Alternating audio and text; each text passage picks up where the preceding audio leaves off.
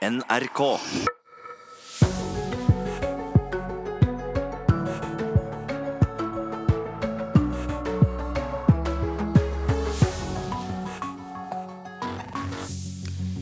Velkommen til Nyhetsmorgen, folkens. I dag 20. april, dagen da Fridtjof Nansen nådde 86 grader nord, det nordligste punktet noe menneske hadde vært på den tiden. Vi holder oss til litt andre saker her i sør. Død og avkappede lemmer, f.eks. Bedrifter over hele landet setter ansattes liv og helse i fare ved dårlig sikkerhet. Arbeidstilsynet har avdekket alvorlige tilstander i norsk industri. Skal høre straks mer om det. Norsk kvinnelig student savnet i Sør-Afrika. Jakken og mobilen funnet på en strand. Kvinnen er sporløst forsvunnet. Og Statnett vil endre nettleien. Industrigiganten Elkem frykter milliontap. Så i Kulturnytt håper man på mer milliongevinst, kanskje, Anne? Ja, nå kommer det et uh, nytt digitalt spill iallfall, basert på Flåklypa-universet. Og det skal også lanseres internasjonalt. Og så kommer boka om Ninni Stoltenberg i dag, og vår kritiker har lest den. Men ikke nok med det. Nei. Fordi at forfatteren selv, Lars Lillo Stenberg, og Hanne Skartveit, som kjente Ninni og har bidratt i boken, kommer til Kulturnytt kvart over åtte. Så det blir altså anmeldelse ganske snart, og gjester eh, om en drøy time. Riktig. Ja. Anne Jetlund Hansen, Kulturnytt. Birger Kåsrud Aasund eh, tar Nyhetsmorgen eh, for øvrig. I går kveld ble den norske kvinnen Marie Sæther Østbø meldt savnet i Sør-Afrika. Det var ved 19-tiden at hun ikke kom på en avtalt middag, og blant annet er et par sko som tilhører henne blitt funnet på en strand. Afrikakorrespondent Sverre Tom Radøy, hva er det som har skjedd i Sør-Afrika? Nei, Det skal være en større leteaksjon på gang. Kystvakten sier de leter både til havs og, og til lands. Men foreløpig er det ikke kommet noen meldinger om, om noen funn. Vet vi om hun bare badet, eller om hun skulle treffe noen?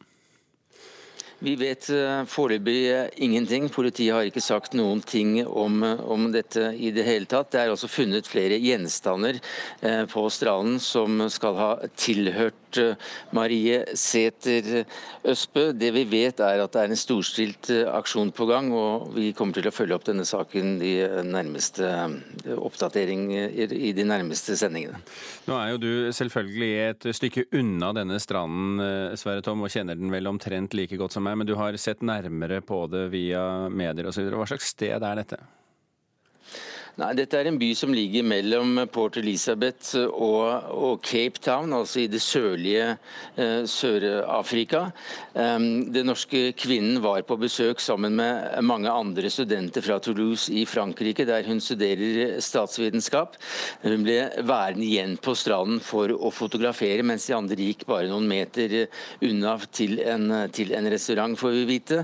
Uh, og, og da ikke hun dukket opp, så ble hun også meldt savnet savnet. Ok, Vi får si at det er det vi vet foreløpig, Afrikakorrespondent Sverre Tomradøy. Og så får vi se etter hvert om det kommer noe mer nytt. Takk skal du ha for at du var med oss i denne omgang.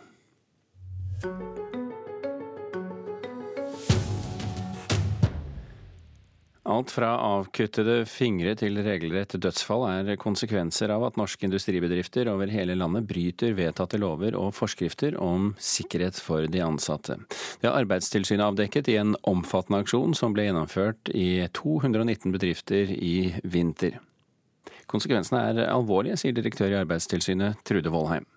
Tilsynets rapport viser at altfor mange arbeidstakere i industrien arbeider under farlige forhold. Og tre av fire av de tilsynene som vi har gjort eh, i industrien, der fant vi for dårlig maskinsikkerhet i bedriftene. Og det, dette er jo bedrifter som bruker ma farlige maskiner hver eneste dag. Er det snakk om lovbrudd, brudd på forskrifter? Ja, det er det. Gjennom tre uker i februar og mars oppsøkte representanter fra Arbeidstilsynet 219 industribedrifter over hele landet og de ankom uanmeldt. Resultatene av tilsynsaksjonen er nå klare og viser blant annet at 74% av bedriftene ikke overholdt vedtatte lover og forskrifter for sikkerhet for de ansatte på de aktuelle arbeidsplassene.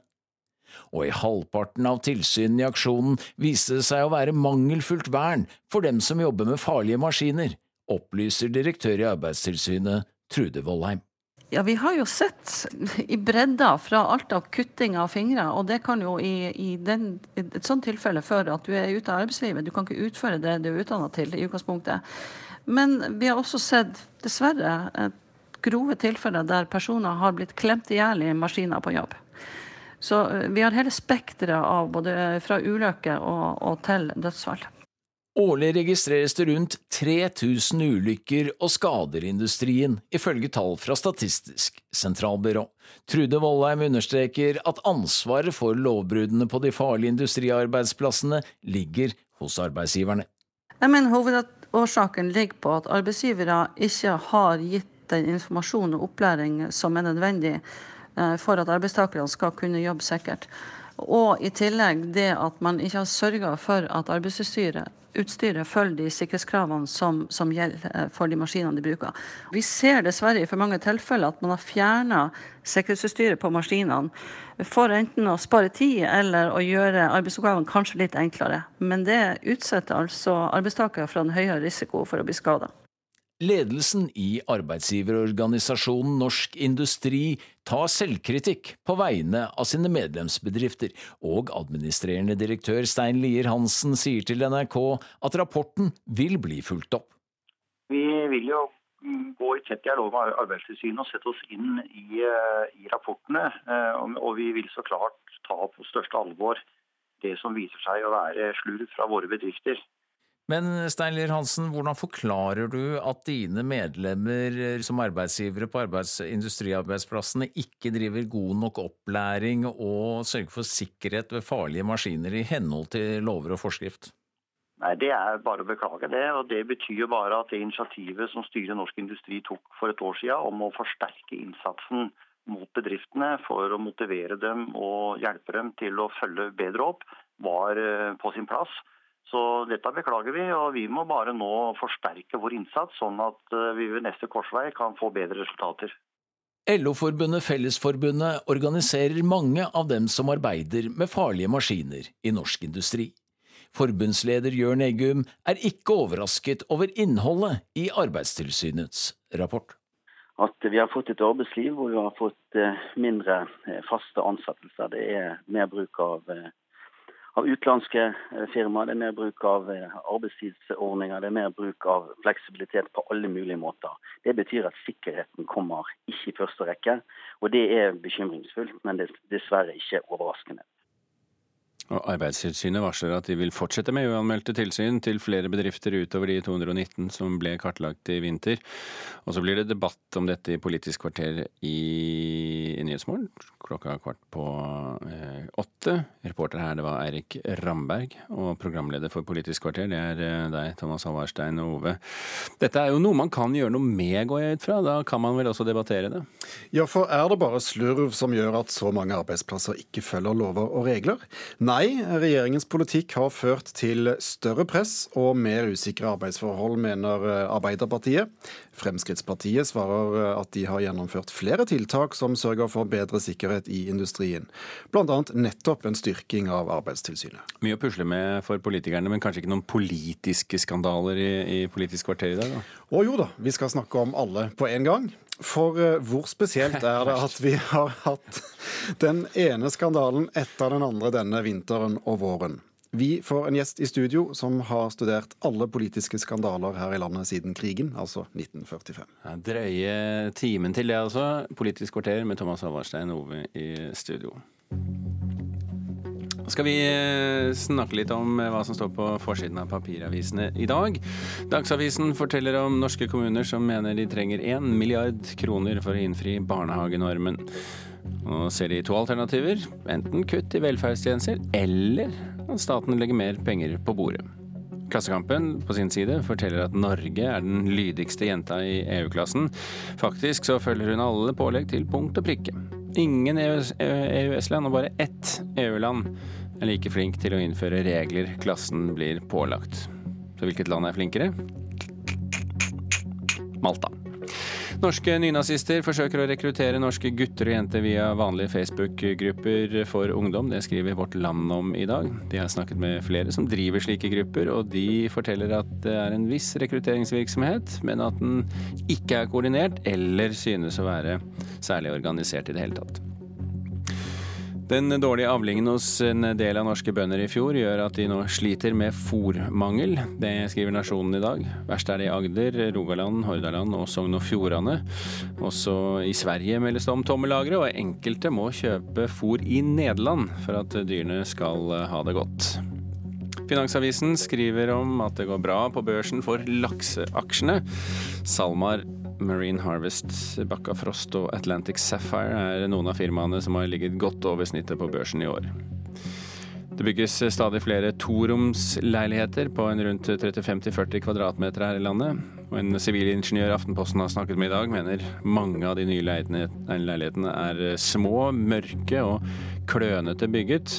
Mange går det knapt an å tilby folk, sier en eiendomsinvestor til avisen.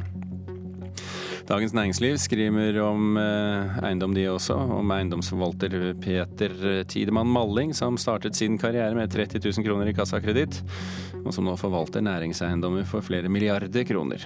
Skapte en pengemaskin, skriver eh, DN. VG på sin side de skriver om Jon Michelets siste ord, i hvert fall de siste ordene han skrev ned. Altså kapittel 49 i den siste boken om krigsseilerne. VG byr også på et utdrag av boken i dagens papiravis. Dagbladet skriver eh, om saken der Peter Sam, San, Per Sandberg har e-posttrøbbel, og da snakker vi om saken om hvorvidt Per Sandberg ga fra seg sin private e-postadresse til en lobbyist topp innen laksenæringen, eller gjorde han det kanskje ikke?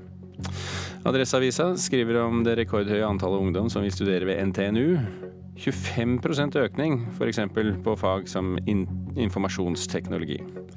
Og så kan vi ta med at eh, Fedrelandsvennen skriver om at eh, jentene regjerer russen i Kristiansand. Alle fem videregående skolene der har valgt en kvinnelig russepresident.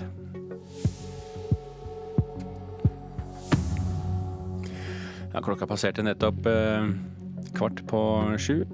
Hovedsaken i nyheten i dag er eh, at død og avkappede lemmer, bedrifter over hele landet, setter ansattes liv og helse i fare ved dårlig sikkerhet, ifølge Arbeidstilsynet. Norsk kvinnelig student savnet i Sør-Afrika. Jakken og mobilen funnet på en strand. Kvinnen sporløst forsvunnet. Og Statnett vil endre nettleien. Industrigiganten Elkem frykter milliontap. Og den kan vi jo snakke om, den saken der litt mer i og for seg. Et av fortrinnene for deler av norsk industri er jo nettopp at vi har bra tilgang på ren og billig strøm. Men nå kan mange store industrivirksomheter få dyrere nettleie på strøm. Statnett vil nemlig endre noen av sine regler, sånn at vanlige strømkunder, som deg og meg, kan få billigere nettleie. Men det vil igjen gå utover fabrikker som i dag har lav nettleie. Som den til fabrikksjef Arne Verge Olsen, som nå ser dystert frem mot uh, fremtiden. Altså, på verket her så bruker vi energi tilsvarende Ålesund by. Altså, det er ganske mye. Fabrikken hans ligger vegg i vegg med kraftverket. Og det var slik det var. Fabrikkene måtte bygges der krafta fantes. Og det har gitt fordeler i form av billig nettleie. Men nå vil Statnett endre reglene. Vi føler oss rimelig sikre på at eh, Bremanger vil komme dårligere ut enn i dag hvis den ordningen skulle gå gjennom. Det er nesten slik at vi har plugga Elken Bremanger omtrent rett i stikkontakten fra uttaket til, fra kraftstasjonen. Og Da har vi hatt en rabatt rundt det. Nå er det et forslag fra Statnett om å endre totalt Strømkunder som Elkem sitt smelteverk i industribygda Svelgen har i dag mye lavere nettleie enn mange andre, nettopp fordi de ligger rett ved kraftverket. Statnett vil nå fjerne denne rabatten. De mener den ikke er rettferdig, og at en ny ordning kan komme enda flere til gode. Det sier kommunikasjonssjef Christer Gilje. Det vil være litt urimelig hvis du er noen kilometer lenger unna, men fortsatt i et område med mye kraftproduksjon, men så er du kobla på et annet punkt enn kraftprodusenten. I stedet for å bare belønne de som ligger aller nærest kraftverka, foreslår Statnett en områdevis rabatt. I området med mye kraftproduksjon får en rabatt i nettleia, i området med lite får en det ikke. Målet med det er jo at dersom noen vil eh, ha en ny fabrikk eller grønt datasenter, så er det lurere å etablere det et sted hvor det er mye kraft. Og vil noen bygge en ny vindpark f.eks., så er det lurt å etablere det et sted hvor det er underskudd på kraft, og hvor man da kan eh, få utnytta det blant strømkunder som eh, trenger det. Men fabrikksjefen på Elkem i Bremanger frykter de kommer dårlig ut. Slik som forslaget er lagt fram nå, for det første så vil eh, ramma være lavere enn den rabatten vi har i dag. ene punktet. Andre punktet at vårt område vil være omtrent herifra Bremanger og nordover helt til og med Sør-Trøndelag, som gir eh, oss høyere nettleie. Det er fordi området Bremanger havner under i forslaget, inkluderer området med mindre kraftproduksjon, og da blir det mindre rabatt. Fabrikksjefen får støtte fra organisasjonen Kraftfylka. Statnett sitt forslag vil hemme næringslivet i distrikta, sier daglig leder Niklas Tessem. Det er de store byene som tjener mest på dette, her, mens de distriktene som i dag allerede har høy lettleie og produserer mye kraft, får en, en ytterligere økning. Smestad i Oslo får en redaksjon i, på 21% mens uh, man da f.eks. på Høyanger får uh, en økning i 33% så det er litt vanskelig å se at dette skal være en utjevning i tariffen. Statnett er ikke samd i kritikken. Det er ikke sånn at vi f.eks. reduserer nettleia i Oslo, mens vi øker den i mer distriktsområder. Man ser på områder med mye og lite og moderat kraft, og så lager man en løsning for reduksjon i nettleie ut fra det. Men det er viktig å påpeke at dette er et forslag. Vi har fått 44 innspill i høring. Vi skal nå se på alle de innspillene før vi konkluderer. Hos Elkem håper Verge Olsen de får holde på privilegier. Vi har jo investert mye i dette verket her, og har planer om å investere videre for å kunne være en langsiktig aktør i markedet. Reporter her, det var eh, Sigrid Sivertsen Haugan. Så er Kulturnytt kommet til studio, og da skal vi snakke om nok et forsøk på å gjøre Flåklypa Grand Prix til et internasjonalt fenomen, Anne. Ja, for Flåklypa Grand Prix blir nå til et spill som blir tilgjengelig på Nintendo Switch og den digitale spillbutikken Steam. Flåklypa-universet til Ivo Caprino har tidligere vært en stor suksess som spill på PC med 380 000 solgte eksemplarer, men nå skal det altså lanseres enda bredere.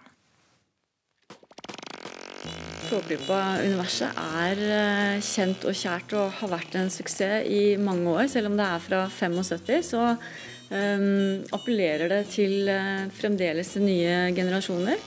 Og denne gangen er det ikke bare nye generasjoner som skal nyte godt av spillet, men også utlendinger. Spillet kommer nemlig ut på både spillkonsollen Nintendo Switch og den digitale spillbutikken Steam. Ja, det, det vil det. Og um, selv om mange tror at det er veldig norsk, så uh, er faktisk uh, Flåklypa kult både i Danmark og i Japan f.eks.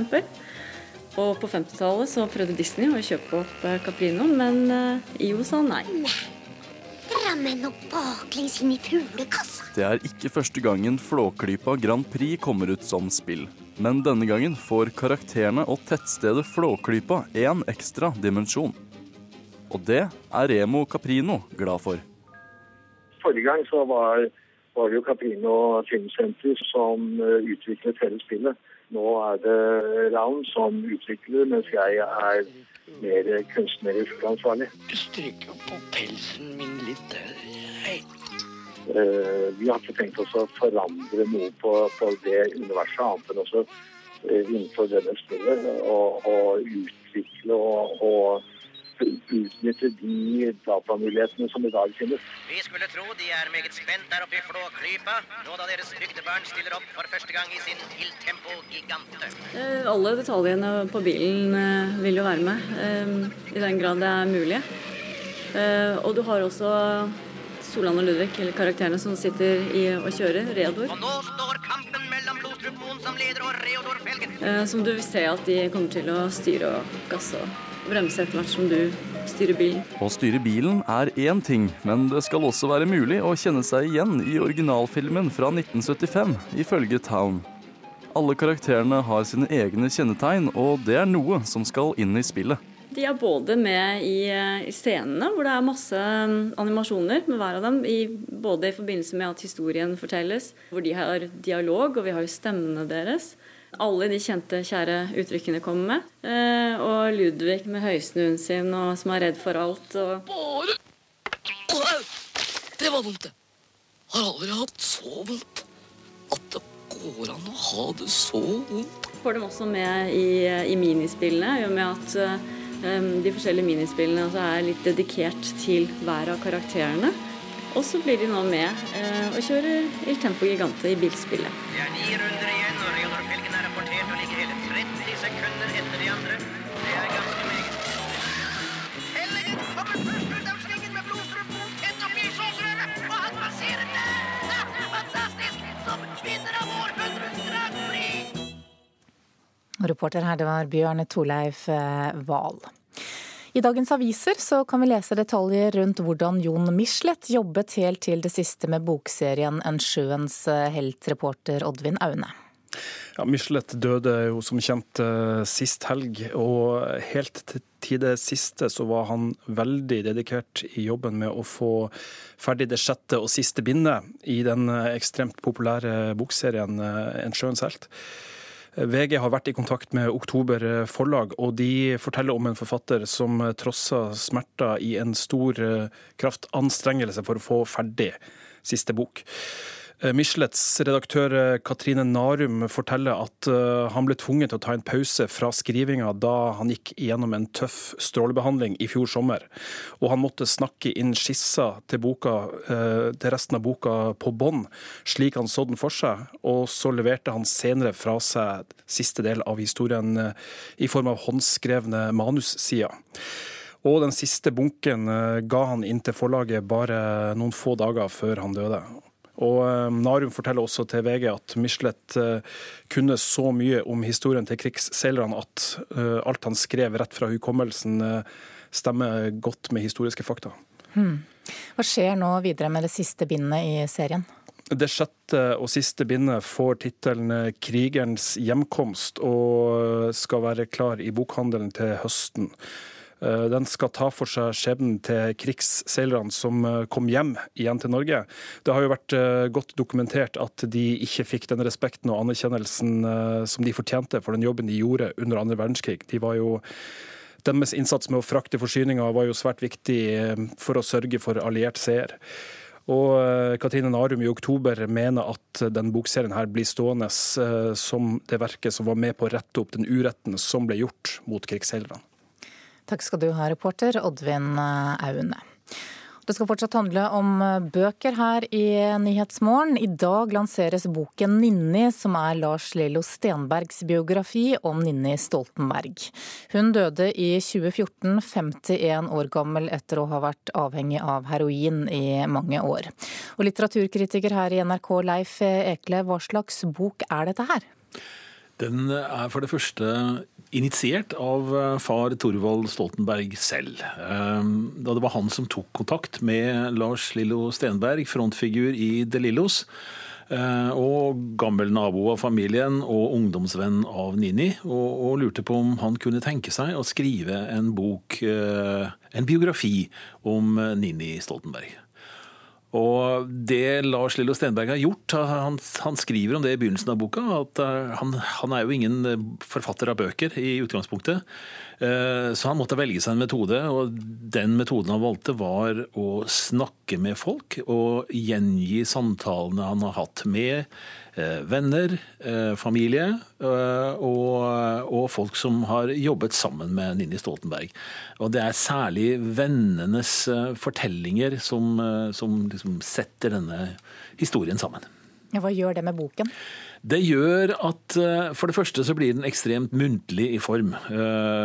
Noen ganger kanskje for muntlige samtaler er nærmest transkribert i detalj, og da får vi med også det språklige tomgodset vi omgir oss med i dagligtalen. Det er ingen viktig kritikk, men, men det er noe der. Men samtidig så, så, bygges det opp et bilde av Nini fra hun var 14-15 og, og Lars Lillo Stenberg ble kjent med henne. De festet sammen røkte hasj sammen osv.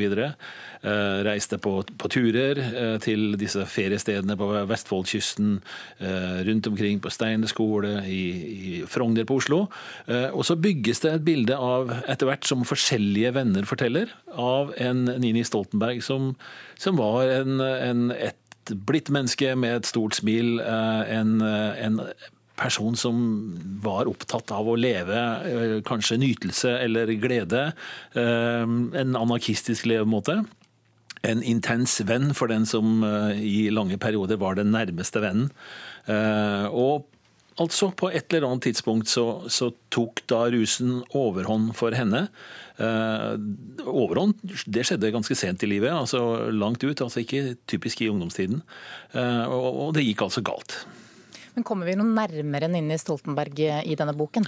Ja, jeg syns nok det. Eh, Nå har jo Nini Stoltenberg hatt eh, en del oppmerksomhet i offentligheten fra, fra dette med stoffavhengigheten ble kjent, og hun og familien sto fram på TV med det osv. Og, og det har jo vært eh, fortalt og skrevet om henne i bøker og fra familien og osv.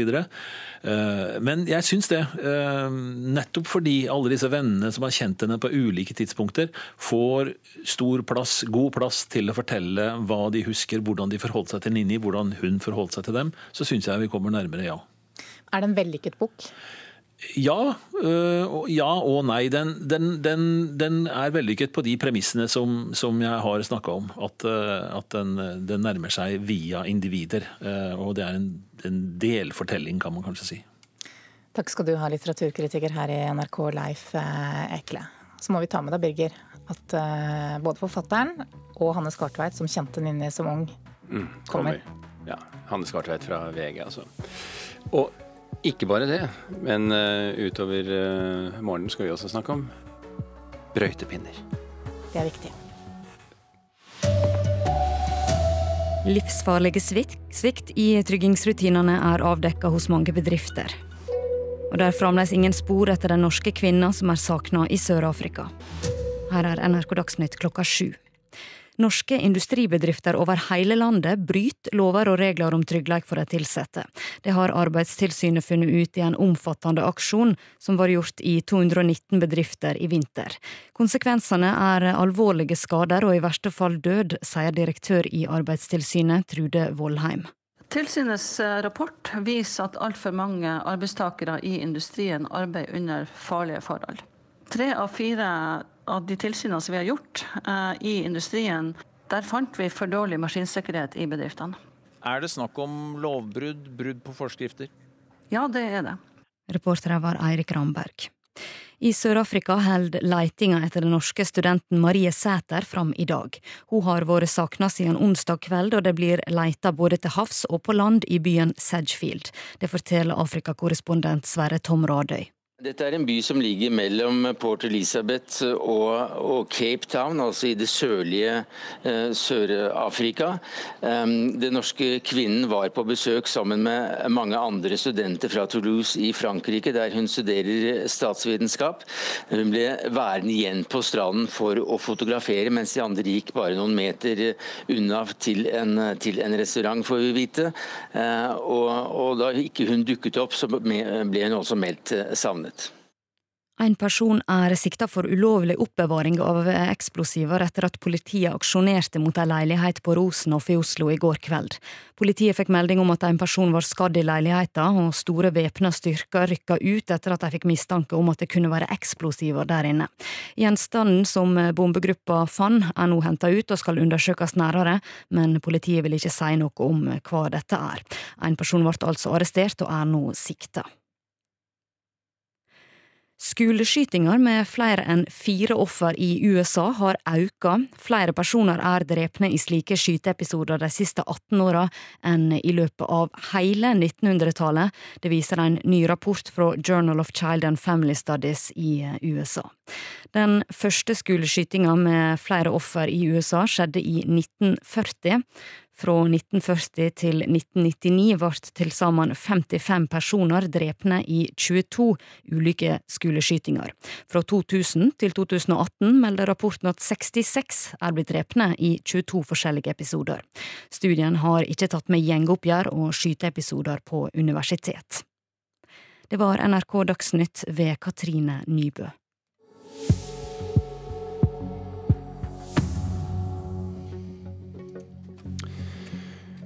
Og vi fortsetter i Nyhetsmorgen med følgende saker. Eksplosiver funnet i leilighet i Oslo. Bevæpnet politi rykket ut. Utenlandske klinikker forsøker å lokke nordmenn eh, for assistert befruktning, som ikke er lov i Norge. Og brøytepinner. Kjekke å ha for dem som skal finne veien om vinteren, men et stort miljøproblem når vinteren er over. Ja, et stort oppbud av bevæpnet politi rykket altså i går ut til en leilighet i Oslo sentrum. Derfra fraktet de ut en gjenstand og pågrep en mann. Og naboer ble evakuert fra bygningen. Reporter Kjartan Røslet, hva vet vi mer om dette nå? Ja, For det første så kan jo naboene på Rosenhoff, eh, der dette var øst i Oslo, eh, de kan flytte tilbake hvis de ikke allerede har gjort det, sier politiet nå i dag tidlig. For det andre så tok jo politiet med seg en mann i slutten av 30-åra. Han er altså nå formelt sikta, forteller operasjonsleder Katrine Silju i Oslo-politiet. Den pågrepne er per nå siktet for grov ulovlig befatning med eksplosiver, eh, men er ennå ikke avhørt i saken. Og vi har da selvfølgelig da gått over etterforskningssporet nå. Vi har forlatt eh, stedet i, eh, på Rosenhoff. Eh, vi har beslag som skal gjennomgås, avhør som skal tas, og flere andre undersøkelser for å avklare saken og hva den eventuelle siktelsen blir. Så var det så denne gjenstanden som ble fraktet ut av leiligheten. Kjartan, hva var det for noe? Ja, Vi vet jo ikke det helt, men ut fra siktelsen mot mannen i slutten av 30-åra, eh, han er altså sikta for grov ulovlig befatning med eksplosiver, så er det jo sannsynlig at det nettopp var eksplosiver eller stoff som kunne settes sammen til det. Vi kan høre politiet igjen. Bombegruppen, politiets bombegruppe fant en gjenstand i leiligheten som vi ønsket å undersøke videre. Eh, den ble fraktet ut i sin helhet til et sikkert sted for videre undersøkelser. Eh, men av hensyn til HMS egne mannskaper så vil nok, ikke, vil nok, disse undersøkelsene ta litt tid. Og vi kan ikke gå ut med hva gjenstanden inneholder før ved et senere tidspunkt. Vi kan jo ellers ta med at uansett hvor alvorlig eller lite alvorlig denne saken viser seg å være til slutt, så har den jo allerede ført til mye styr i uh, området der på Rosenhoff. Altså evakueringer og store politiressurser som ble brukt. Det er jo um, stor risiko for både oss og publikum når vi rykker ut i oppdrag som kan innebefatte eksplosiver. Så det gjøres en del tiltak for å sikre oss selv og alle som er rundt i nærheten. Så det er åpenbart at det er Eh, trengs mye ressurser og mye innsats fra politiets side. Så kan vi jo bare ta med at uh, Rosenhoff, uh, for de som nå bekymrer seg litt, det, det ligger altså rett nedenfor uh, Sinsenkrysset, sørover i sørlig retning. skulle man være usikker. Utenlandske klinikker forsøker å lokke nordmenn eh, for assistert befruktning, som jo ikke er lov i Norge. Flere har eh, norske nettsider, og tidligere i år så holdt en russisk klinikk informasjonsmøte i Norge for å få rekruttert nye pasienter til eggdonasjon. Nå vil Kristelig Folkeparti forby utenlandske klinikker å markedsføre behandling som ikke er lovlig i Norge. Well. Uh, first of all, I would like to introduce myself. I'm Olga Zaitsev. I'm fertility specialist from St. Petersburg. I kjelleren på Litteraturhuset i Oslo har nysgjerrige kvinner og menn samla seg til et foredrag. På scenen står doktor Olga Zaitsev fra den russiske fertilitetsklinikken Avapeter. Hun er kommet ens ærend til Oslo for å fortelle om hvilken behandling hennes klinikk tilbyr. There are so many Norwegian people who want to talk to me that it is impossible anymore to talk one to one, and they all actually Hun forteller at hun ble kontaktet av så mange nordmenn at det var lettere å komme til Norge og snakke med pasientene i fellesskap. Den russiske klinikken utfører eggdonasjon til kvinner og har en egen babygaranti. Etter det NRK kjenner til, har norske leger mottatt e-poster fra klinikken hvor de blir bedt om å informere sine pasienter om Ava Peters sitt behandlingstilbud. Klinikken har også reklamert med helsides annonser i det norske fagbladet Gynekologen. Og de er ikke alene om å ønske seg norske pasienter. Flere av klinikkene NRK har undersøkt, har egne nettsider med informasjon på norsk. Overlege og leder i Norsk forening for assistert befruktning, Hans Ivar Hanevik, mener dette setter norske leger i en uheldig situasjon. Det gjør at uh, norske fertilitetsleger kan føle seg både avleggs og, og, lite oppdaterte hvis vi ikke får lov å gi opplysninger om ting som, som vi vet at fins. Han får støtte av helsepolitisk talsperson i Arbeiderpartiet, Ingvild Kjerkol. Jeg tror uh, norske leger opplever et uh, krysspress her, fordi at uh, man vet at ganske snart blir dette et tilbud også i Norge, og det viser bare viktigheten av å komme i gang med et godt regulert offentlig norsk tilbud under paraplyen av vår felles helsetjeneste. Om flertallet på Stortinget får det som de vil, blir eggdonasjon snart lovlig i Norge. Frem til en eventuell legalisering vil KrFs Olaug Bollestad forby markedsføring for behandlinger som ikke er lov her til lands. Hun mener regjeringa må på banen. Dette gjelder jo ikke egentlig bare eggdonasjon eller sæddonasjon. Dette gjelder jo òg aggressiv markedsføring av, av eh, surrogati, for eksempel. Så jeg tenker dette her handler jo om prinsipper som jeg mener må slås fast. Så hvis det kommer et, eh, et sånt forslag fra regjeringa, så er dette et forslag dere vil støtte? Ja, nå må vi jo se hva som ligger i forslaget, men det er klart jeg mener at dette er viktige prinsipper å, å, å styre etter. Klinikken AVA Peter mener de bare markedsfører informasjon om tilbudet, og ikke selve behandlingen. Reportere her det var Lars Hægeland og Marit Gjelland.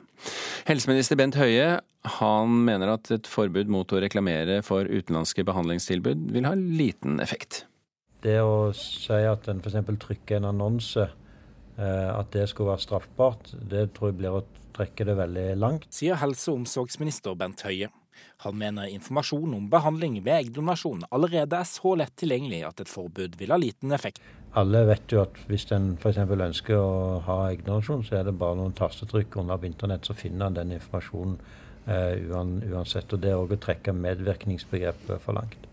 Legene derimot, de har ikke lov til å henvise til den type tilbud. Det er helt åpenbart medvirkning. Han understreker viktigheten av at norsk helsepersonell ikke videreformidler informasjon om behandling i utlandet som er ulovlig i Norge. Ja, men vi har jo òg den felles enigheten i Norge om at dette er et område der vi ønsker en nasjonal lovgivning. Eh, og nå er eggdonasjon eh, forbudt. Det blir en diskusjon, men det kommer òg til å være andre tilbud som vil være tilgjengelig i andre land, som sannsynligvis ikke vil være lovlig i Norge. Eh, og da er det det som er situasjonen. at da kan ikke norsk helsepersonell henvise til tilbud som er eh, ulovlige i, i, Norge, og det må òg eh, helsepersonell forholde seg til.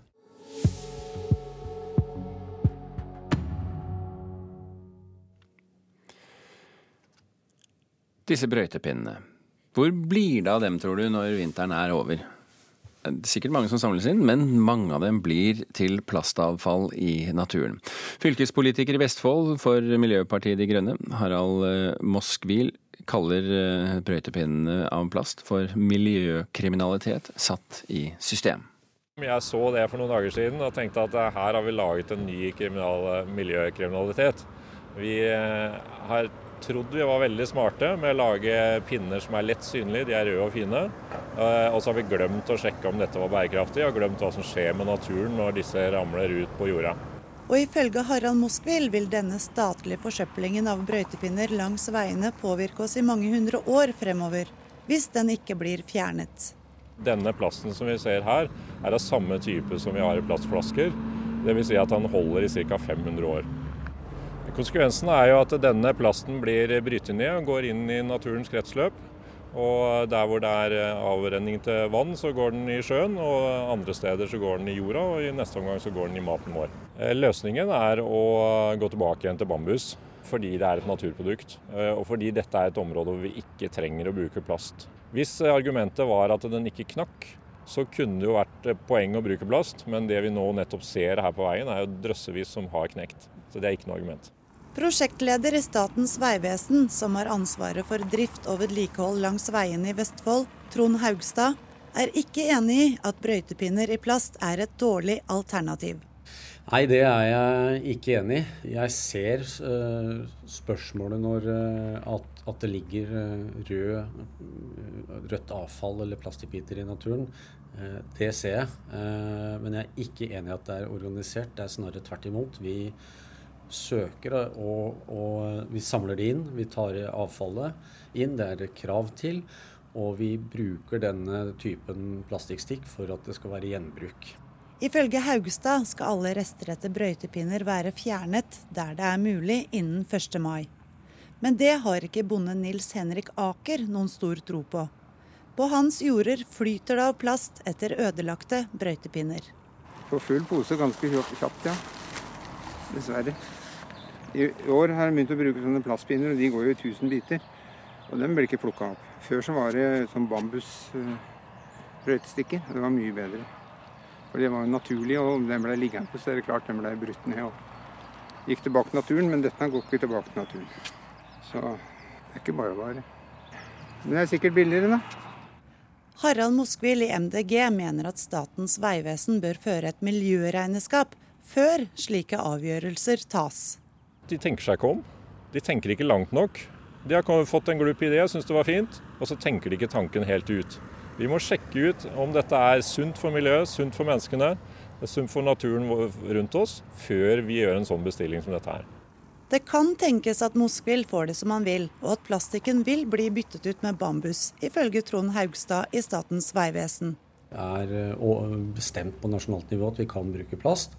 Eh, men det vurderes nå, spesielt i disse dager, hvor det er fokus på mikroplast og, og, og, den diskusjonen der, så har, er dette tatt opp eh, som diskusjon i bl.a. Vegdirektoratet. Reporter her Guro Hatlo. Silje Ask Lundeng, leder i Naturvernforbundet, velkommen til vårt lille studio i Stavanger. Takk for det. Er brøytepinner et stort miljøproblem? Ja, det er det. Vi har flere lokale og fylkeslag eh, som melder om nettopp denne problematikken, og som opplever at langs veiene eh, der de bor, er svært mange rester etter de her plastpinnene. Så det å kunne få et sånt miljøregnskap, det tror jeg absolutt er noe som hadde vært eh, bra. Fordi noe av det som vi ser, det er jo at de her plastpinnene de finner jo veien til både hav og til vassdrag. Nå ser vi at britiske aviser skriver om at engangsartikler i plast, sånn som f.eks. bomullspinner og sugerør og engangs spisebestikk og sånt, at det kan bli forbudt i England allerede eh, til neste år. Mm. Um, burde vi følt etter?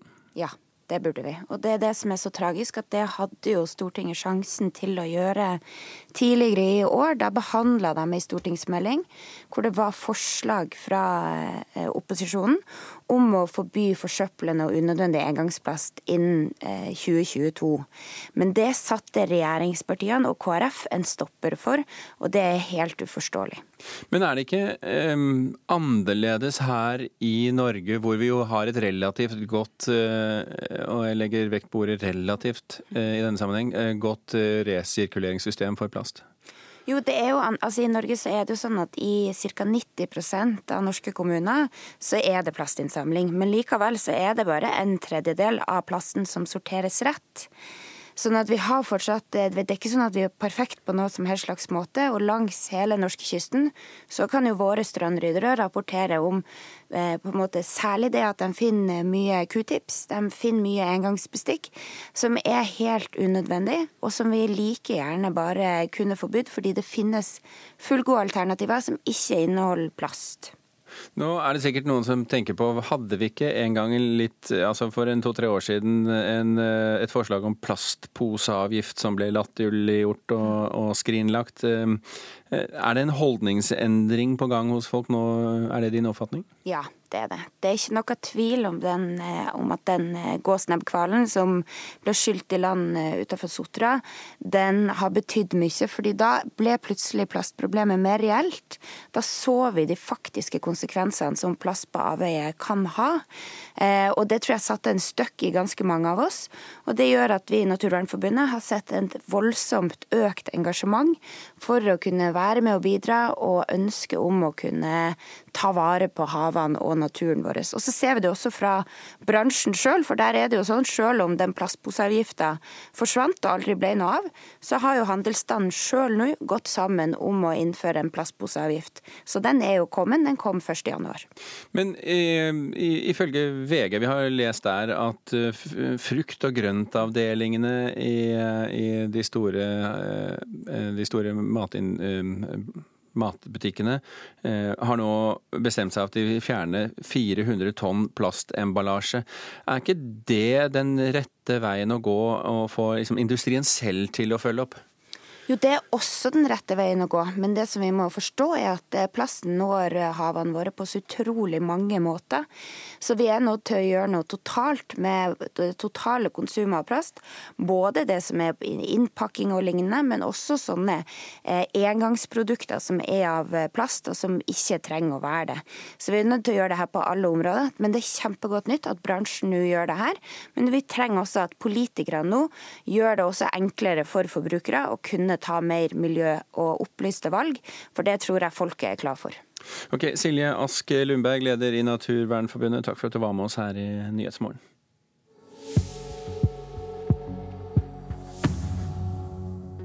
Klokken har rukket å passere 18 minutter over sju. Du hører på Nyhetsmorgen, altså. Hovedsakene våre i dag er at eh, en person er siktet etter at bombegruppa i Oslo-politiet aksjonerte i eh, Oslo i går. Alt fra avkuttede fingre til regelrett dødsfall er konsekvenser av at norske industribedrifter slurver med sikkerheten. Og utenlandske klinikker forsøker å lokke nordmenn utenlands for assistert befruktning, noe som ikke er lov i Norge.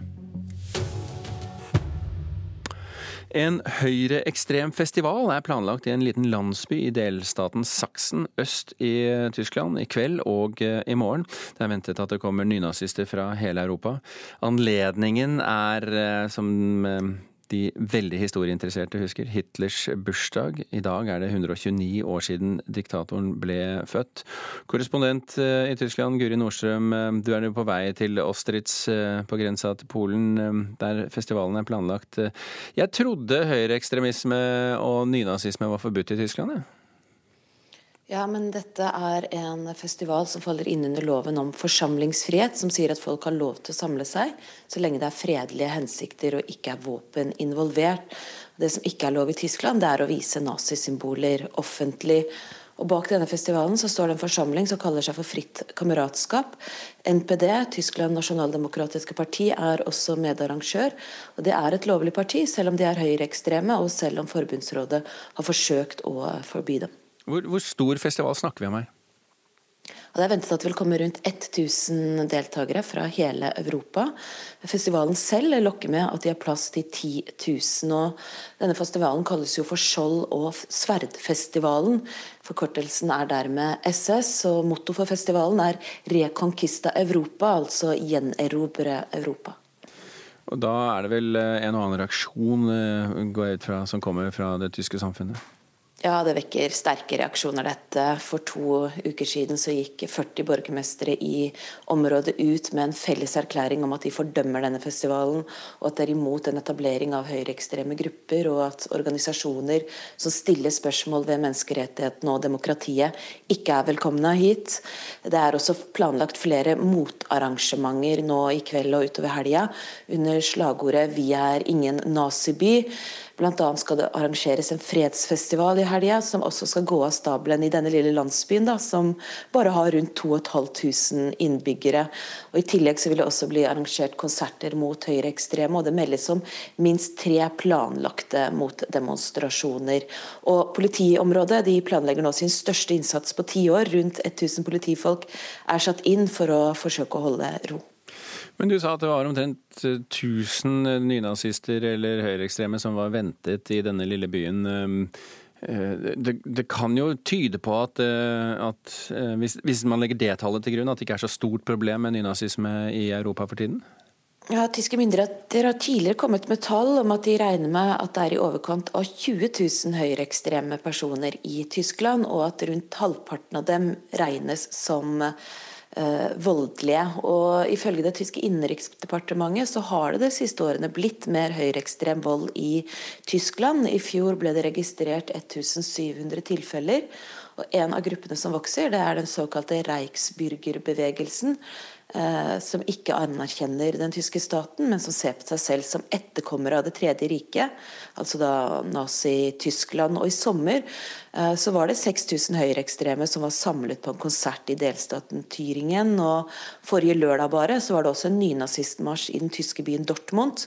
Eh, der var det rundt 600 som deltok fra flere land i Europa. Og det var også nynazister fra Norge til eh, stedet der. Og det kan også godt hende at det kommer nynazister fra Norge til eh, festivalen nå i helga. Ok, Du er altså på vei til Åstrids, var det sånn? Ja, vi er på vei dit. Da er jeg spent på nye rapporter fra deg etter hvert som du vet mer. Guri Nordstrøm, takk for at du var med oss i denne omgang. Vi kan ta et lite gjenblikk på forsidene av papiravisene i dag, og begynne med Dagsavisen, som forteller om norske kommuner som mener de trenger 1 milliard kroner for å innfri barnehagenormen. At de uh, lanserer to alternativer. Enten at staten legger mer penger på bordet, eller så blir det kutt i velferdstjenester, ifølge kommunene. Klassekampen eh, snakker om Norge som den lydigste jenta i EU-klassen. Faktisk følger hun alle pålegg til punkt og prikke. Ingen EØS-land og bare ett EU-land er like flink til å innføre regler eh, som klassen blir pålagt, og det landet, det er Malta. Norske nynazister eh, forsøker å rekruttere norske gutter og jenter via helt vanlige Facebook-grupper for ungdom. Det er Vårt Land som skriver om det i dag. De har snakket med flere som driver slike grupper, og de kan fortelle at det er en viss rekrutteringsvirksomhet, men at den verken er særlig koordinert eller særlig organisert. Så til den dårlige avlingen hos en del norske bønder i fjor. Det gjør at de nå sliter med fòrmangel. Det skriver Nasjonen i dag. Verst er det i Agder, Rogaland, Hordaland og Sogn og Fjordane. Også i Sverige meldes det om tomme lagre, og enkelte må faktisk helt til Nederland for å få fôr nok til sine dyr. Finansavisen skriver at det går bra på børsen for lakseaksjene. SalMar, Marine Harvest, Bakkafrost og Atlantic Sapphire er noen av de firmaene som har ligget godt over snittet på børsen så langt i år. Og Aftenposten de forteller om at det bygges stadig flere toroms leiligheter på ned mot 35 kvadratmeter her i landet. Og en sivilingeniør avisen har snakket med, mener at mange av de nye leilighetene er både små, mørke og ikke minst klønete bygget. Mange går det knapt an å tilby folk, sier en eiendom, eiendomsinvestor til avisen. Dagens Næringsliv skriver om eiendomsforvalter eh, Peter, Peter Tidemann Malling, som startet sin karriere med to tomme hender og 30 000 kroner i kassakreditt, og som nå forvalter næringseiendommer for flere milliarder kroner. Skapte en pengemaskin, er overskriften på DNs forside. VG på sin side de skriver om Jon Michelets siste ord. I hvert fall siste skrevne ord, altså kapittel 49 i den siste boken om krigsseilerne. Og Leser du VG i dag, så kan du også få et utdrag av boken i dagens papiravis. En tredel av innbyggerne i Hol skal jobbe dugnad i helgen. 1400 mennesker utgjør dugnadsgjengen på årets eh, skarverenn, og det er en tredel av kommunens befolkning. Dugnadsinnsatsen er ryggraden i arrangementet, sier skarverennsjef Jarle Uthus til NRK. Jeg er sjefen over alle sjefer, ja, helt ja, korrekt. For Skarverenn i hvert fall? For Skarverenn er jeg sjef. Jeg er sjef i organisasjonskomiteen, så jeg har gleden av å ha med meg en eh, gjeng på 15 stykk som gjør en fantastisk, fantastisk dugnadsjobb. og eh, Uten dem så hadde det ikke gått. Men det er langt flere som jobber dugnad på Geilo og i hele Hol kommune. Drug 30% av befolkninga i kommunen er aktiv med til å støtte skarverennet med dugnadsinnsats. Nei, sånn cirka På den viken med, siste uke er det ca. 1400 personer som er i sving seint og tidlig. Det er mye. Det er en kommune som har vel 4000 innbyggere. Ja, Det er en sånn kjapp prosent, ganske høy. ja. Hva skulle du gjort uten uh, dugnadsfolkere, Jarle? Ja, Det har vært lange dager, tror jeg. Skulle gjort alt sjøl. Men uh, det har ikke gått uten dugnad. Dugnad er helt totalt avhengig av. og uh, Sånn er det bare. Og det er jo en kjempe, kjempestor gevinst til laget. Det er jo en bra omsetning på den viken vi driver med. Og overskuddet fra skarverennet blir i all vesentlighet pløyd tilbake til aktiviteter og anlegg i idrettslagets regi. Og i år regner skarverennsjefen med å slå alle rekorder. For startfeltet er det ingenting å si på. Ja, Det er det beste startfeltet med gjennom tiun, både på gutta og jentun. Så eh, ja, folk må komme og se på, for dette blir en gedigen, svær fest. Har det plass til mange tilskuere på Østhuset? Ja, Det er ikke noe begrensning. Det er plass til 100 000. Det er ingen. Eh, du kan sitte på hver haug oppover der. Ja, jeg kan tenke sånn stort. Jeg har hatt 40 000-50 000 mål, så jeg har plass til mange oppi der. Ja, du har det. Ja. Men du er ikke nervøs for uh, rennet? Nei.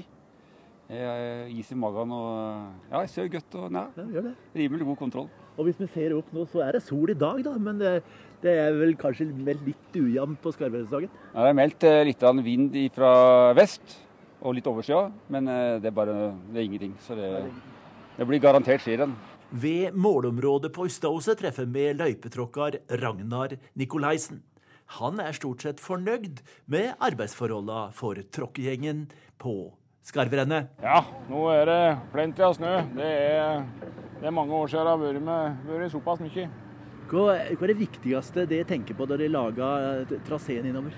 Pri 1 er jo sikkerhet, både for oss sjøl og ikke minst uh, løperne. Og at vi skal få faste og fine løyper. Det har ikke vært noen maskin inni der før i år, så det, vi starta jo helt på nytt med råsnø. Og får komprimert den, så blir det bra. Du har fortalt meg at de kjører fire maskiner i bredden? Ja, det stemmer. Fire stykker for å få full bredde. Det er ikke problem med snø, men bekkene kan være litt eh, problematiske? Ja, det er klart nå når det er såpass eh, mildt, så, så skjer det noe undersnø nå. Det, så vi må være litt obs på det, og eventuelt lage noen eh, gode snøbruer over der vi syns det er litt lite og mye vann under. Men det går fint. Det er en utrolig dugnadsinnsats her på Skarvrennet. Hva syns du om det? Det syns jeg er helt fantastisk. Og det er alfa og omega for eh, hele LO. Og ja, så mye folk som stiller opp eh, år etter år, det er, ja, det er kjempebra. Gunnar Grimstveit som hadde laget eh, denne reportasjen her. Snart Dagsnytt her i Nyhetsmorgen. Skal vi snakke om en ugle når vi kommer tilbake.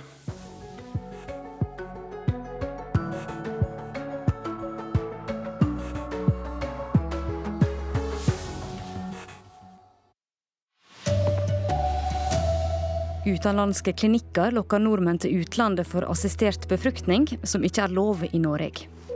Tre av fire industribedrifter har svikt i tryggheten. kan føre til død eller alvorlig skade, ifølge Arbeidstilsynet. Og Flåklypa blir 3D-spill for Nintendo. Her er NRK Dagsnytt, klokka er 7.30. Utenlandske klinikker forsøker å lokke nordmenn til utlandet for assistert befruktning, som ikke er lov i Norge. Flere har nettsider på norsk, og tidligere i år holdt en russisk klinikk informasjonsmøte i Norge for å få rekruttert nye pasienter til eggdonasjon. Nå vil KrF forby utenlandske klinikker å markedsføre behandlinger som ikke er lovlige i Norge. Good evening. Uh, first of all, I would like to introduce myself. I'm Olga Zaitsev. I'm fertility specialist from St. Petersburg. I kjelleren på Litteraturhuset i Oslo har nysgjerrige kvinner og menn samla seg til et foredrag. På scenen står doktor Olga Zaitsev fra den russiske fertilitetsklinikken Ava Peter. Hun er kommet ens ærend til Oslo for å fortelle om hvilken behandling hennes klinikk tilbyr. Den russiske klinikken utfører eggdonasjon til kvinner og har en egen babygaranti. Etter det NRK kjenner til, har klinikken sendt ut e-poster og reklamert i blader for tilbudet sitt. Og de er ikke alene om å ønske seg norske pasienter. Flere av klinikkene NRK har undersøkt, har egne nettsider med informasjon på norsk. Om flertallet på Stortinget får det som de vil, blir eggdonasjon snart lovlig i Norge. Frem til en eventuell legalisering vil KrFs Olaug Bollestad forby markedsføring for behandlinger som ikke er lov her til lands. Hun mener regjeringa må på banen. Dette gjelder jo ikke egentlig bare eggdonasjon eller sæddonasjon, så jeg tenker dette her handler jo om prinsipper som jeg mener må slås fast. Det å si at en f.eks. trykker en annonse, eh, at det skulle være straffbart, det tror jeg blir å trekke det veldig langt. Sier helse- og omsorgsminister Bent Høie. Han mener informasjon om behandling ved eggdonasjon allerede er så lett tilgjengelig at et forbud vil ha liten effekt. Alle vet jo at hvis en f.eks. ønsker å ha eggdonasjon, så er det bare noen tastetrykk under på internett, så finner en den informasjonen uh, uansett. Og det er òg å trekke medvirkningsbegrepet for langt. Og Klinikken her mener de bare markedsfører informasjon om tilbudet, og ikke selve behandlinga. Reportere her var Lars Hægeland og Marit Gjelland. Norske industribedrifter over hele landet bryter lover og regler om tryggleik for de ansatte. Det har Arbeidstilsynet avdekka i en omfattende aksjon som ble gjort i 219 bedrifter i vinter. Konsekvensene er alvorlige skader og i verste fall død, sier direktør i Arbeidstilsynet Trude Vollheim. Tilsynets eh, rapport viser at altfor mange arbeidstakere i industrien arbeider under farlige forhold. Tre av fire av de tilsynene som vi har gjort uh, i industrien, der fant vi for dårlig maskinsikkerhet i bedriftene. Er det snakk om lovbrudd, brudd på forskrifter? Ja, det er det. Gjennom tre uker i februar og mars oppsøkte representanter fra Arbeidstilsynet 219 industribedrifter over hele landet og de ankom uanmeldt. Resultatene av tilsynsaksjonen er nå klare og viser blant annet at 74% av bedriftene ikke overholdt vedtatte lover og forskrifter for sikkerhet for de ansatte på de aktuelle arbeidsplassene. Og i halvparten av tilsynene i aksjonen viste det seg å være mangelfullt vern for dem som jobber med farlige maskiner, opplyser direktør i Arbeidstilsynet Trude Vollheim. Ja, Vi har jo sett i bredda fra alt av kutting av fingre, og det kan jo i, i den, et sånt tilfelle føre at du er ute av arbeidslivet. Du kan ikke utføre det du er utdanna til i utgangspunktet. Men vi har også sett, dessverre, grove tilfeller der personer har blitt klemt i hjel i maskiner på jobb. Ledelsen i arbeidsgiverorganisasjonen Norsk Industri tar selvkritikk på vegne av sine medlemsbedrifter, og administrerende direktør Stein Lier Hansen sier til NRK at rapporten vil bli fulgt opp. Vi vil jo gå i tett dialog med Arbeidstilsynet og sette oss inn i, eh, i rapportene. Eh, og vi vil så klart ta på største alvor det som viser seg å være slurv fra våre bedrifter. Det blir debatt om saka i Politisk kvarter her i kanalen klokka 7.45. Reporter her var Eirik Ramberg.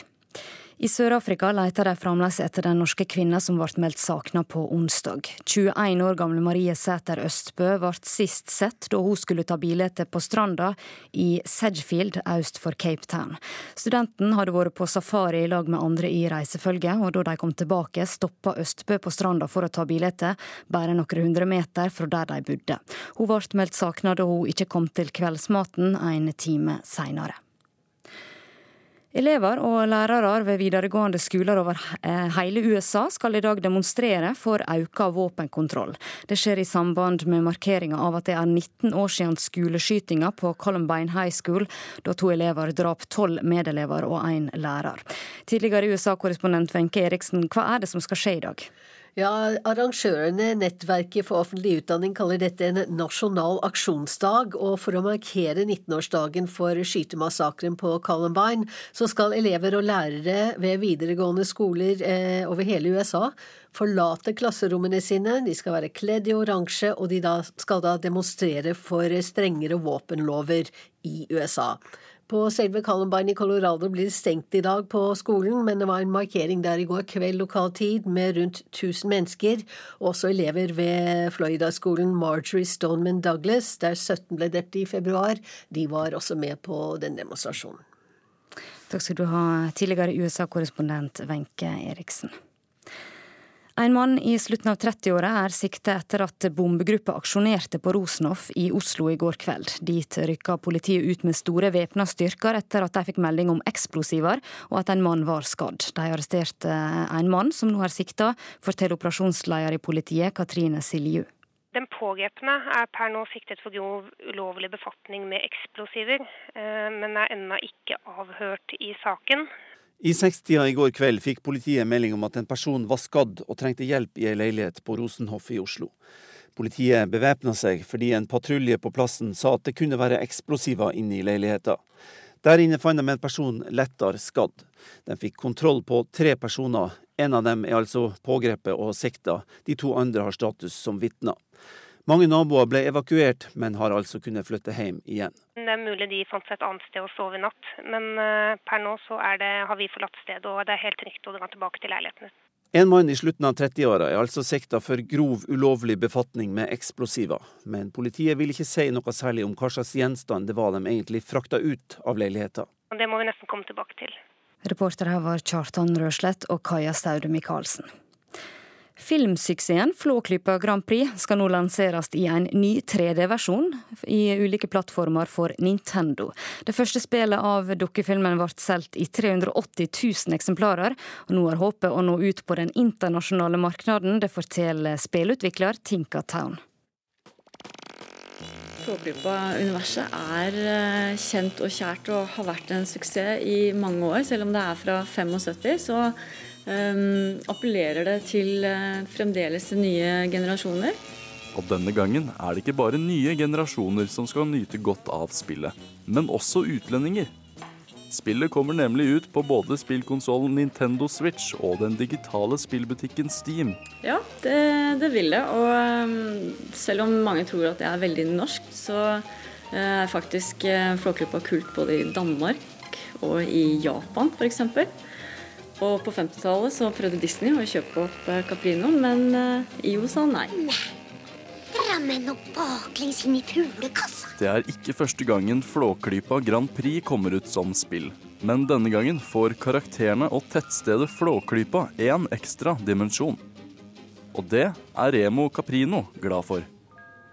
Forrige gang så var, var det jo Caprino Filmsenter som uh, utviklet hele spillet. Nå er det Ravn som utvikler, mens jeg er mer kunstnerisk ansvarlig.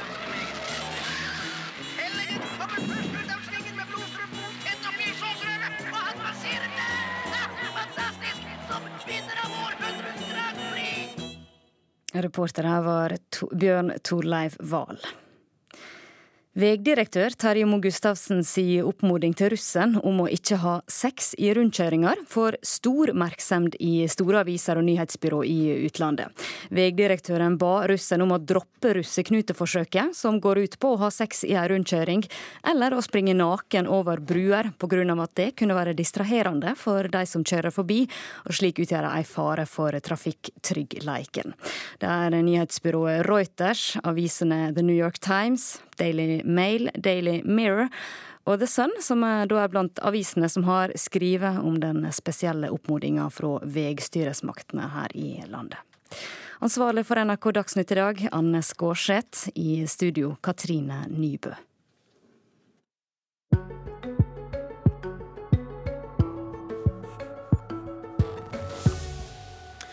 I årevis har et uglepar i toppen av Borgestad kirke i Skien nærmest vært eh, for kjendiser å regne i byen.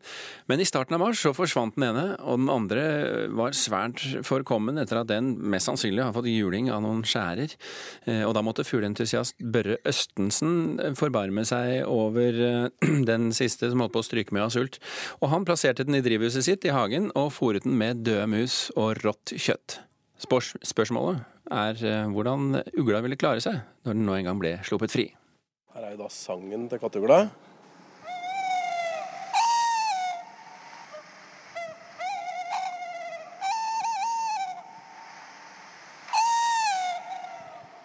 Dette er altså lyden av ei kattugle som sitter i et tre og synger. og Børre Østensen, du går og lytter, og du går nå og kikker for å se om du ser kjendisugla i trea ved Borgestad kirke.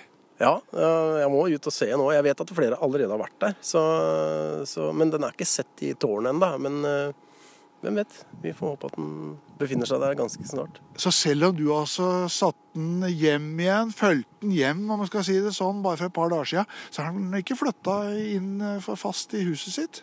Nei, Den har jo hatt en spesiell måned da, for ei kattugle, så den har noen historier å fortelle til de som kommer på besøk, skulle jeg tro. Så vi får nå bare se åssen det går. Men jeg, eh, jeg tror den uh, dukker opp der igjen. Håper det. I flere uker hadde du katteugla i pensjon hjemme, fora han opp. Du hadde den egentlig lenger enn det var nødvendig også. Hvorfor det? Nei, det var pga. at det har vært så mye snø. da, Så jeg frykta at hvis jeg skulle slippe den, så ville mest sannsynlig det samme skje igjen. At den ikke får seg mat, og at den ville da dø av sult, eller å bli tatt på dati fordi den prøver å få tak i mat på dati, noe den ikke er laga for. Da Så den, eh, da vil den antageligvis bli tatt. Sånn som veldig mange andre, og det har jo har vært i hvert fall 30 ugler som har kommet meg for øre, som har vært på vei til meg, eller som jeg har vært ute for å prøve å redde, som har dødd. da. Ofte da mens jeg er der. Så, Men nå greier den seg altså? Ja, det tror jeg. Nå tror jeg det er eh, på høy tid at den greier seg. Jeg har sett mye fugl nå som tar musen her nede i Hjertensdalen, som eh, finner seg mat. Så kattugla er ekspert på det, så det greier den så lenge den har mulighet. Hvordan var det å slippe den ut, og Sette den tilbake igjen? Ja, nei, det var, det var veldig gøy. Fint og mørkt. da. Vi slipper den ut på mørket, i mørket, så den ikke skal så den skal være i sine ordentlige omgivelser. Da. Og da gjorde den det den skulle. Den satte seg der vi håpa, i den store furuskauen på gravlunden på Borgestad. Men altså når vi går og hører på sangen, du går og speider etter fuglen, hva er det med kattugla som gjør deg så fascinert? Jeg syns er, det er en mystisk fugl. Den eh, den er ganske vanlig. Allikevel så er den eh, veldig sky. Kanskje den skyeste uglearten vi har i Norge. Og den eh, er kun ute på natta stort sett hele året. Eh, og selv om den er blant oss, så er den på en måte veldig anonym. Så vi, så vi ser den nesten aldri. Mange kan ha en katteugle sittende i hagen sin kanskje hele katteuglas levetid uten å noen gang vite at den har vært der. Så du må vite hva du skal se etter for å oppleve den. Men sangen kan mange gjøre, og det anbefaler jeg folk å ut og høre den synger. Det er eh, veldig gøy.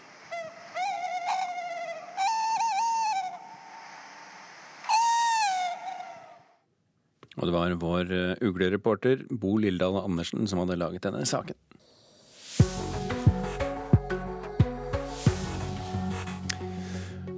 Du lytter til eh, Nyhetsmorgen. De viktigste sakene våre i dag er at utenlandske klinikker eh, forsøker å lokke nordmenn til utlandet for assistert befruktning. Som ikke er lov i Norge, og nå vil KrF ha stopp i reklamen også. Tre av fire industribedrifter har svikt i sikkerheten. Det har resultert i både død og alvorlig kvestelse, ifølge Arbeidstilsynet. Flåklypa-universet har vært eh, dataspill før, men nå skal det bli 3D-spill for Nintendo, og det skal lanseres over hele verden. Klokken er eh, straks eh, kvart på åtte. Det betyr eh, politisk kvarter her i Nyhetsmorgen. Og om det ikke blir politisk skandale i selve Politisk kvarter, så skal det handle om skandaler. Programleder i dag er Thomas Halvarstein Ove.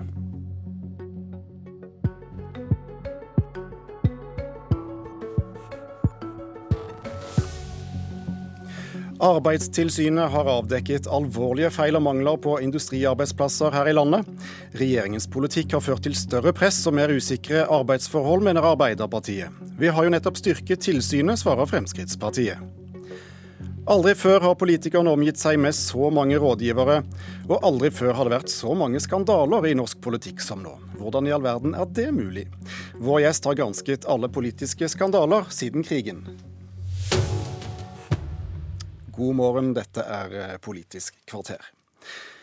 Som vi har hørt i Dagsnytt denne morgenen, så har eh, Arbeidstilsynet gjennomført storkontroll i vinter. 219 industribedrifter fikk eh, uanmeldt besøk.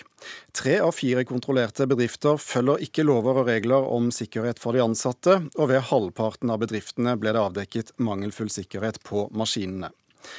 Arild Grande i arbeidskomiteen på Stortinget for Arbeiderpartiet. Visste du at det sto så ille til i norsk industri? Nei, Vi har jo hørt at uh, eh, utviklinga går i feil retning når det gjelder uh, færre uh, organiserte, at du får flere innleide. at du har mange arbeidsplasser hvor folk ikke engang forstår norsk. Men at det var så ille, det blir vi selvfølgelig overraska over. Og det forteller oss jo at den jobben Stortinget nå gjør for å prøve å rydde opp der regjeringa svikter, den må vi bare forsterke. Hvorfor uh, tror du det er så lite fokus på, eller tydeligvis for lite fokus på sikkerhet i industrien? Jeg tror det er et veldig høyt tempo. Jeg tror det er et veldig stort innslag av innleid arbeidskraft. Eh, og at opplæringa eh, for det første blir for dårlig. At vi har for svake fagforeninger, færre er medlemmer. Og at man ikke har et godt nok system for at ansatte kan si ifra hvis de ser kritikkverdige forhold. Og jeg tror at eh, den politikken som regjeringa nå fører, som bidrar til nettopp at det blir flere innleide, at det blir flere midlertidige, eh, og at det blir dyrere å være organisert, det er en eh, politikk som forsterker disse problemene, og det må vi få en slutt på. Erlend Wiborg, leder i arbeidskomiteen på Stortinget for Fremskrittspartiet. Først, hvordan reagerer du, unnskyld, reagerer du på disse tallene? Nei, Dette er eh, uakseptable tall. Eh, heldigvis så er i all hovedsak så er norsk eh, arbeidsliv trygt og godt. Og det skal vi videreføre. Men de tallene som kommer frem her, er altfor dårlige. Og her har bedriftene et betydelig forbedringspotensial. Og jeg forventer også at bedriftene tar dette på alvor. Og nå tar grep, sånn at norsk arbeidsliv fortsatt i fremtiden skal være noe av det tryggeste og beste i verden. Men så peker Arild Grande her på at eh, dere politikere kan gjøre noe med dette. Hva sier du til hans eh, liste med feil og mangler her? Politiske feil og mangler? Ja, I høyeste grad så kan vi politikere bidra eh, sammen med eh, arbeidsgivere og arbeidstakere for å skape et tryggere arbeidsliv. Det er også grunnen til at eh, denne regjeringen har gjennom årene styrket eh, Arbeidstilsynet, sånn at vi nå har flere kontroller. Vi får da avdekket eh, de som bryter loven, og også i større grad kan luke ut de useriøse arbeidsgiverne. Vi har derfor også økt straffenivået bl.a. for arbeidslivskriminalitet, da vi ønsker å ha en nulltoleranse overfor det. Og det er derfor vi stadig kommer med nye tiltak, målrettede tiltak, for å redusere arbeidslivskriminalitet. Og regjeringen har også hatt et tett samarbeid med partene i arbeidslivet sånn at vi sammen kan komme med eh, gode tiltak for å redusere arbeidslivskriminalitet. Her høres det ut som det har skjedd ganske mye, Arild Grande?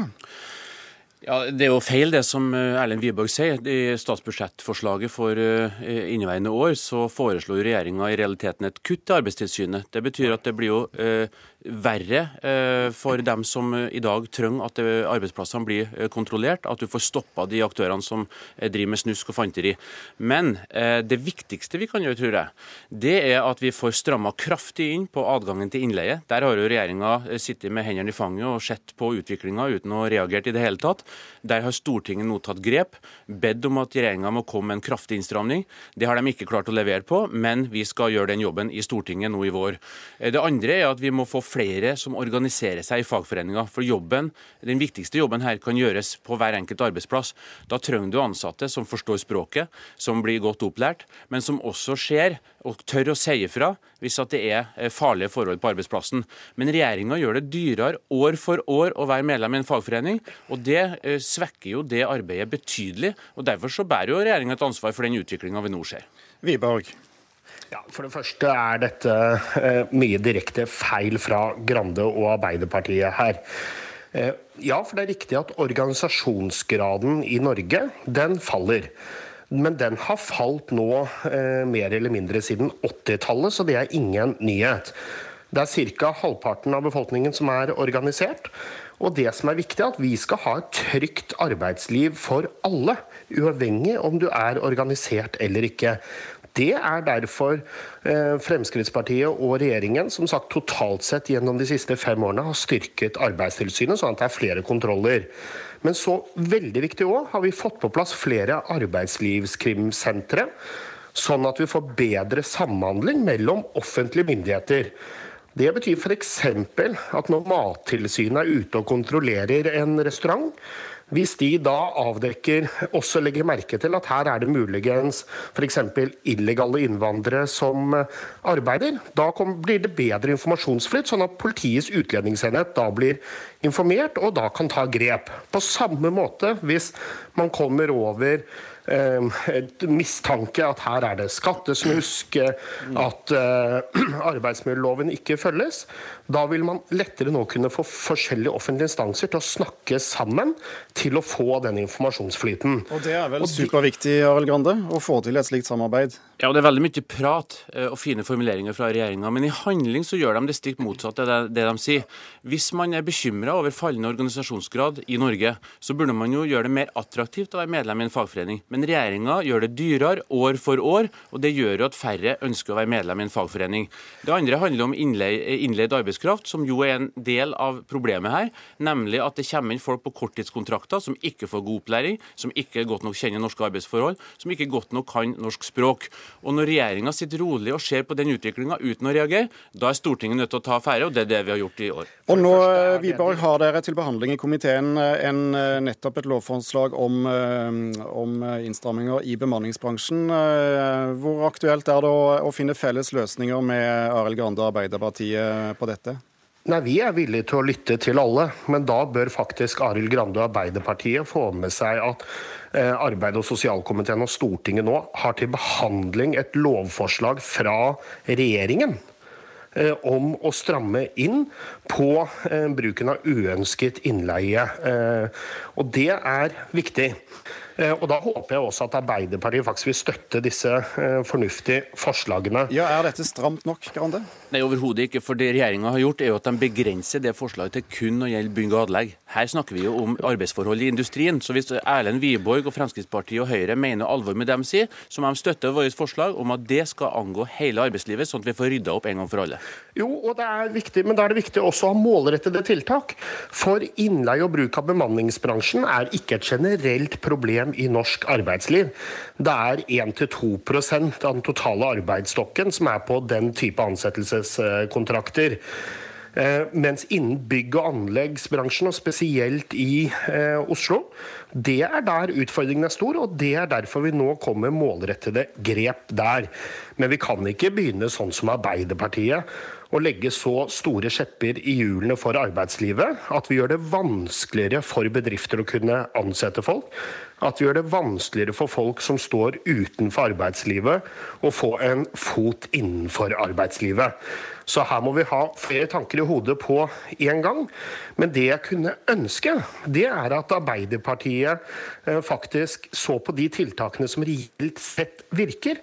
Og også at Arbeiderpartiet må innse at når halvparten av befolkningen velger å ikke være fagorganisert, er det viktig at vi som myndigheter at vi skaper et godt kontrollregime, sånn at det skal være trygt å arbeide for alle. Spør Grande til slutt, Er du villig til å se på de tiltakene som virker, og som Wiborg snakker om? Noen av de forslagene som fremmes er, er gode, og dem skal vi selvfølgelig støtte. Men eh, regjeringa misforstår det selve grunnleggende her. For det første så må vi få en kraftig innstramning i adgangen til innleie i hele arbeidslivet. Så vil de gjøre det lettere å ansette folk midlertidig i bemanningsbransjen. og Det er jo her mye av kjernen av problemene ligger. Nettopp at vi får et arbeidsliv med færre faste stillinger. Vi ønsker et arbeidsliv som er trygt og rettferdig for alle, og da må vi ha fokus på hele faste stillinger. Og Kjernen må vi komme tilbake til eh, ved en senere anledning. Takk skal dere ha, Arild Grande fra Arbeiderpartiet og Erlend Wiborg fra Fremskrittspartiet.